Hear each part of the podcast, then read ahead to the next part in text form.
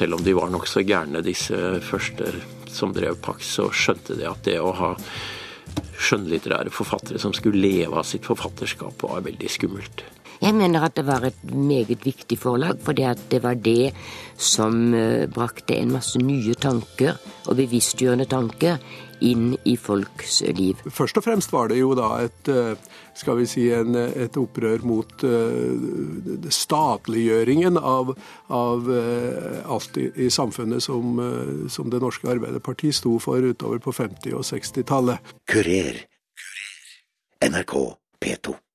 Pax forlag sendte sjokkbølger langt inn i de etablerte forlagene og det sosialdemokratiske Norge da de dukket opp for ganske nøyaktig 50 år siden. Gjennom sin historie har de gjort Pax-boken til et etablert uttrykk. Men veien frem til i dag har vært turbulent, sier forlegger Bjørn Smith Simonsen i Pax forlag.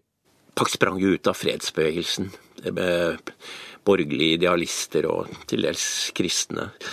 Uh, Tor Bjertmann, som etablerte Pax, var jo redaktør i uh, tidsskriftet Pax, som var uh, tidsskrift til folkereisning mot krig. Så det var jo fredsbevegelse som var det sentrale i starten.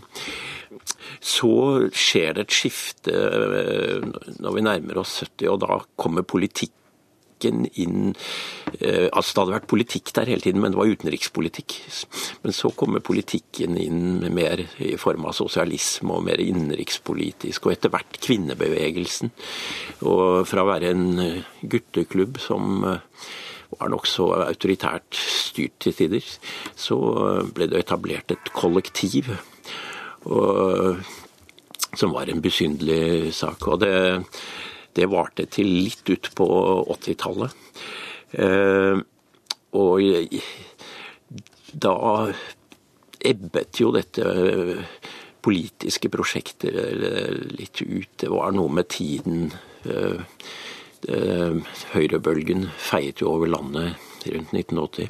Og det, det virket også inn på Pax. Og så var det slet forlaget veldig hardt eh, gjennom 80-tallet. Men eh, så kom Tor Bjerkman tilbake til forlaget igjen etter å ha sluttet som forlagssjef i Universitetsforlaget. Og eh, vi slo oss sammen og bestemte oss for å prøve å, å drive forlaget videre. Og så kom det jo inn i en ny utvikling på 90-tallet og, og, frem til i dag. Eh, hvis du skal beskrive med dine ord de litterære seirene som eh, forlaget har hatt opp gjennom historien. Hvordan vil du karakterisere det da? Ja, Først var, jo, var vi jo med på et eh, fantastisk gjennombrudd for billigboken på 60-tallet. Selv om og særlig Gyldendal var veldig aktiv og, og markerte seg sterkt her, så, så var jo Pax det eneste rene billigbokforlag. De første 500 bøkene var jo Eh, liksom billigbøker i samme format. De var jo gærne nok i Pax til å ikke ut i første utgave og, ta utgiftene med oversettelse og kontrakter med utlandet. Eh, sånn at eh, det er noe av forklaringen på at økonomien var så håpløs. Billigbøkene var jo ment å være prisdiskriminerende, men i Pax så ble liksom prisdiskrimineringen selve hovedideen. Altså man solgte billig med en gang, og i størst mulig mengder. Så det var, det var, det var et stort gjennombrudd. Og så har eh, Pax jo markert seg opp gjennom årene med mange eh, innovative sprell på eh, markedsområdet, helt fra første start det var eh, bøkene om fredsbevegelsen og, og, og liksom den nye verden. Det, altså en av, en av eh, inspirasjonene til Tor Bjerkman var jo at han eh, jobbet i Cappelens forlag før han begynte i det eget forlag. Og Der forteller han at det på et redaksjonsmøte kom frem at man enn hadde hørt at det var en gryende interesse for hva som skjedde i Afrika og Asia blant ungdom. Og da foreslo forlagssjef Groth at skulle trykke opp igjen Stanleys reiser i Afrika. Uh, og det var som nivået på, på si, den litterære interessen for nye verden i, i Afrika og, og, Asia. Og på, på 70-tallet sto jo for ganske mange sentrale utgivelser i, i feminismens tegn. da. Og Pax leksikon var jo også en spesiell ting på ja, mange måter. Hva fikk dere til å, å, å utgi dette uh, syvbindsleksikonet? Det var, det var uh, disse veteranene fra 60-tallet som, som uh, liksom ville prøve å, å samle liksom, alt de hadde jobbet med og for i, siden, siden, de startet opp. Og så er det veldig inspirert av arbeiderbevegelsens arbeider, arbeiderens leksikon, som Mot Dag etablerte på 30-tallet. Det er klart, det var jo forbildet. Men det var jo en kjempedugnad, dette her, av de som, som skrev, skrev ja, ja, ja, ja. Det var den tids Wikipedia. Det var jo 400 forfattere som skrev. Nå har jo Jon Elster skrevet det meste, da, men, men, men, men det var 400 som var med. Hvordan vil du beskrive Pax forlag som skjønnlitterær utgiver? Det var jo to skjønnlitterære utgivelser i den første puljen vi kom, kom ut med Orwells kamerat Napoleon og, og James Baldwin. Det var jo oversatt skjønnlitteratur i veldig stor grad til å begynne med. Og det var fordi, det, selv om de var nokså gærne, disse første som drev Pax, så skjønte de at det å ha skjønnlitterære forfattere som skulle leve av sitt forfatterskap, var veldig skummelt. Og passet bedre for større og mer stabile organisasjoner. Men Bjørneboe meldte seg jo veldig fort på. og ga alle billigbokrettighetene sine til, til Pax. Disse tingene som kom utenlandsfra, de ble jo gjendiktet av f.eks. Georg Johansen, som gjør Tufu er jo et høydepunkt som han oversatte. Og han skrev jo etterordet at det gikk 700 år før Tufu ble gjendiktet til norsk. I motsetning til VG, som da kom ut hver dag. Og hvis det hadde vært noe rettferdighet i verden, så ville Tufu kommet ut hver dag, mens VG bare skulle komme ut hver 700 år. Du beskrev også forlagets første år som en gutteklubb. Hva mener du med det? Det var, det var en gjeng med jevnaldrende gutter og med veldig like interesser. og de aller fleste var, var nokså ja, hadde veldig mange felles interesser. Var ganske like. De regjerte det hele. De jentene som jobbet i Pax, de kokte kaffe og, og skrev på skrivemaskin. Det var jo først med Ida Lu at liksom, kvinnene kom inn som tenkende og handlende vesen i Pax. Og da er vi på slutten av 60-tallet. Helt, helt på tampen. Du sa at det har vært veldig mange skandaler. Noen nesten ikke til å tro. Har du en favoritt som du kan røpe for oss?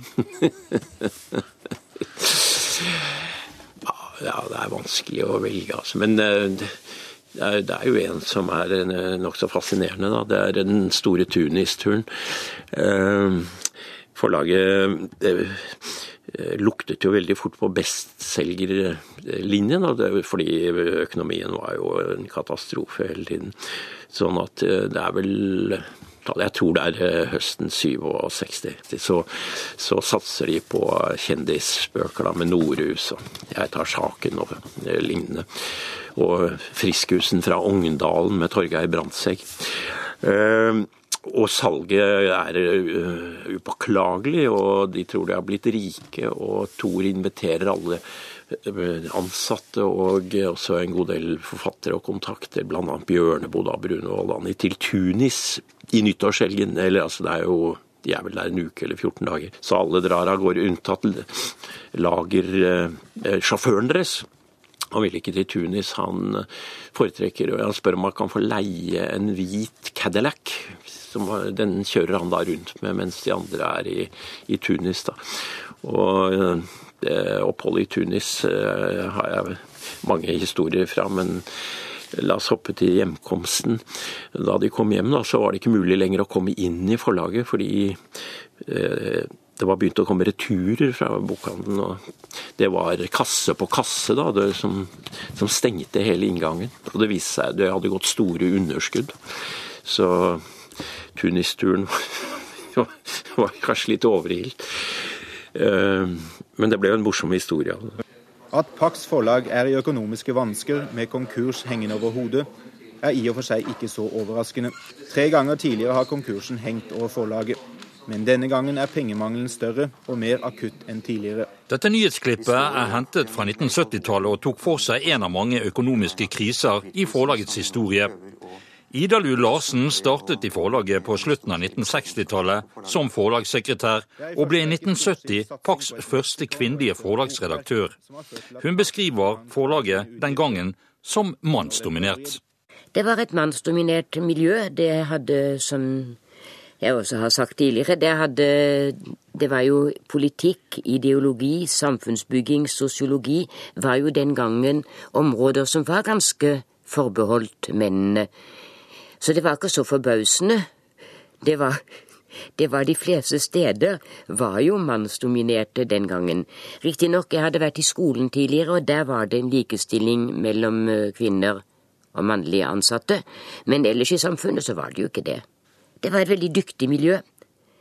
Veldig mange oppfinnsomme, idérike og idealister, ikke minst. ikke sant? Vi trodde jo alle på det vi gjorde, på betydningen av bøkene som ble utgitt. Ja. Var det noen eh, utgivelser som du satte eh, spesielt stor pris på? Av de som var i min tid, hva må jeg jo si at jeg var jo glad for eh, at vi fikk utgitt Simone de Beauvoirs Det annet kjønn. Der hadde jo Hans Fredrik Dahl egentlig bestemt at det skulle være en tynn en ettbindsutgave. Den franske utgaven er jo på over 900 sider. Så oversetteren Rønne Eliassen og jeg, vi kjempet med nebb og klør. Vi klarte iallfall til å få til to bind. Men det tok jo ja, nesten, Det var ikke før i 2002 at hele utgaven kom på norsk. Det var en av de, ut, en av de utgivelsene som virkelig gledet meg, for det er en av de bøkene som har betydd mest for meg i uh, mitt liv. Og så var jeg veldig glad da vi fikk ut Jeg lovet aldri en rosenhave, som da var en fantastisk bok, og samtidig ble en enorm publikumssuksess. Pluss at jeg var uh, veldig fascinert av Nytt søkelys på psykiatrien til Svein Haugsgjerd, og mange andre. Nå balanserte jo eh, Pax forlag, eh, i hvert fall i, starten og utover på 70-tallet også, på en knivsegg økonomisk. Merket dere det på noen måte, dere som var i forlaget? Det er klart, det var en del av forlaget. ikke sant? Altså, Vi hadde jo veldig lave lønninger osv., osv.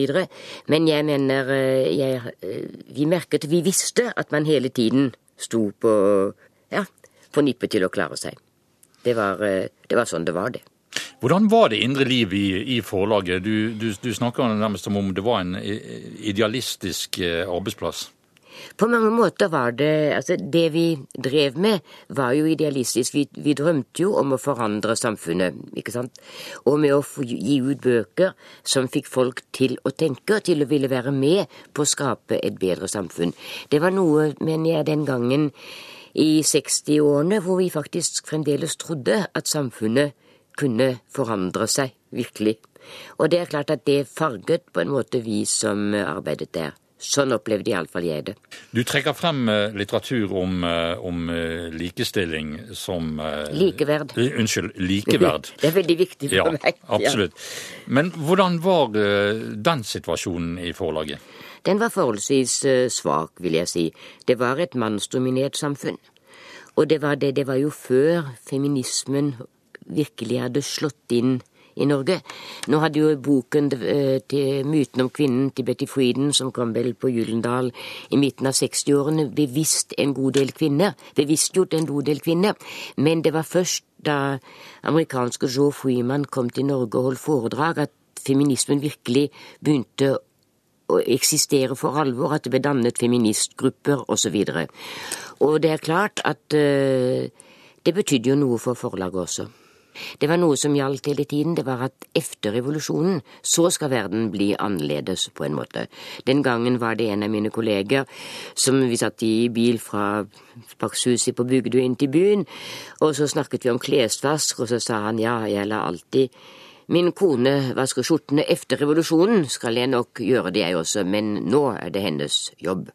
Og dette var noe som gjorde ganske sterkt inntrykk på meg at alle de ideene om likhet og likeverd osv., de skulle vi oppfordres til å tenke og til å tro på, men de skulle først settes ut i praksis etter revolusjonen. Og det var derfor jeg ble veldig glad da Pax ble et eh, kollektiv, fordi jeg mener at uh, tanker må føre til gjerning, ikke bare til flere ord. Sa Ida Lulassen, Pax første kvinnelige forlagsredaktør. Kim G. Helsvik har skrevet jubileumsboken Pax forlag 1964-2014, en bedrift, og han velger å sitere Gudmund Hernes når han skal berette om forlagets historie. Hvor han sier at eh, fra midten av 1960-årene var det venstresida med Pax forlag i sentrum som introduserte den breie samfunnskritikken på alle områder, fra kolonialisme til seksualitet, eh, og hadde hegemoniet. Nå er den marginalisert, altså denne, venstre, denne venstresiden. Og på mange måter så er denne boka om Pax er øh, følge denne historien fra øh, gjennombruddet til den, øh, til den opprørske og radikale venstrebevegelsen på på, på, på 60-tallet gjennom da den mer sånn politiske strømlinjeformingen på 1970-tallet, som kanskje folk flest kjenner, kjenner Pax som, da Pax ble drevet som et uh, kollektiv på 70-tallet. Så er det gjennom, uh, gjennom 1980-årene hvor ja, man nær sagt levde på en sånn permanent nær døden-opplevelse etter høyrebølge, og man liksom ikke lenger kunne lene seg på lene seg på den politiske venstrebevegelsen økonomisk. Og så handler det om på sett og vis gjenoppstandelsen da etter, etter 80-årene og utover på fra, fra, fra 19 90-årene. Eh, et Pax som på mange måter og klare måter bryter med det tidlige Pax, men også som også har klare, klare linjer til det det hele begynte med da i, i 1964. Forlaget utga jo også noen vovede bøker, f.eks. 'Norske sengehester'. Det var vel eh, kanskje et ganske dristig initiativ? Ja, nei, altså dette her var jo Forlaget var jo kulturradikalt, så det de virkelig virkelig kulturradikalt de første, de første årene under Tor Bjerkman fram til, fram til begynnelsen av, av 70-årene. 70 og dette her med seksuell frigjøring var en, veldig viktig del av forlagets utgivelsesprogram og identitet helt fra starten av. Men det er jo klart at Eh, en del av disse titlene også var eh, veldig greie som salgsvare, på, mm, på sett og vis. Og 'Norske sengehester' var jo en av flere kulturradikale, vovede bøker fra den tiden som solgte, som solgte godt. Og Bjerkmann sa eh, bø, de bøkene man overlevde på, det var bøker om, om skolen, sex eller Jesus. Det var, det var, det var sikre bestselgere. Ethvert forlag med en noenlunde lang historie har jo uh, hatt sine skandaler og uh, sikkert også sine gode historier. Er det noe du kan uh, trekke frem her som, som en, en, en, god historie fra, fra forlaget? Ne, altså en gjennomgående altså Ting som i ettertid er selvfølgelig en god historie, men som har vært en, en fryktelig stressfaktor i, i, store deler av forlagets historie, er den, den enormt eh, vanskelige økonomiske situasjonen. Eh, så Man har jo levd mer eller mindre på eh, randen av konkurs helt fra starten av og til, til eh, ja, først, det var først på begynnelsen av 90-tallet at, eh, at, tingene blir stabilisert sånn at eh, ja, sånn at Pax drives som et mer normalt forlag. Da, og Det var så ille at på, på, på 70-tallet 70 så Daværende forretningsfører han stengte seg da inne hjemme i sin egen leilighet, trakk ut telefonkontakten, satte kommoden foran døra, og øh, Pax-folkene som da måtte, prøvde å komme i kontakt med han, sto med megafon ute på, ut på gata for å da komme i, øh, komme i kontakt med forlagets forretningsfører. Det er jo en en illustrasjon på uh, hvor, uh, hvor tøft det var økonomisk og, og man kom og stengte telefonen og tok pant i frankeringsma frankeringsmaskinen osv. osv. Det, det var nærmest dagligdags i de første 15-20 årene av, av Pax-historien. Sa Kim G. Helsvig. Gudleif Fohr har som journalist og kommentator i Dagbladet gjennom mange år fulgt Pax forlag. Ja, det er helt riktig. Dette var jo på toppen av sosialdemokratiets eh, epoke i norsk historie, iallfall slik som det blir fremstilt av historikere som Francis Sejersted.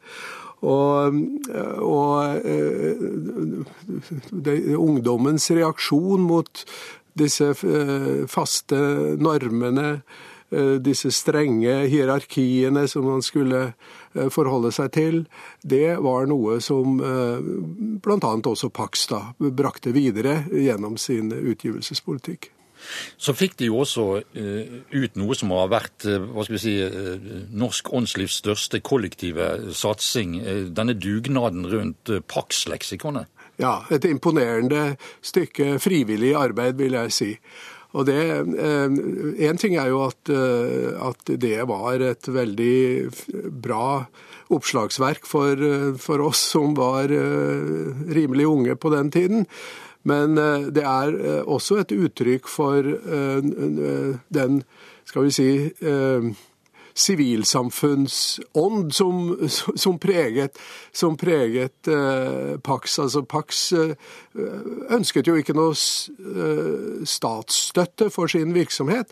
De satset veldig på frivillig innsats. Og hver gang det var økonomiske krise i forlaget, så satset de også på å, å få tak i Eh, penger, da, eh, gjennom innsamlinger. Så, det, så de var eh, i, i praksis også et, uttrykk for sivilsamfunnets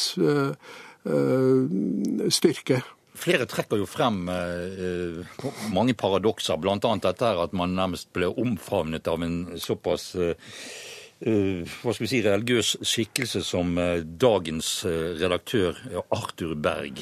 Ja, men Arthur Berg var jo på mange måter i en tilsvarende situasjon, men med et litt annet ideologisk utgangspunkt.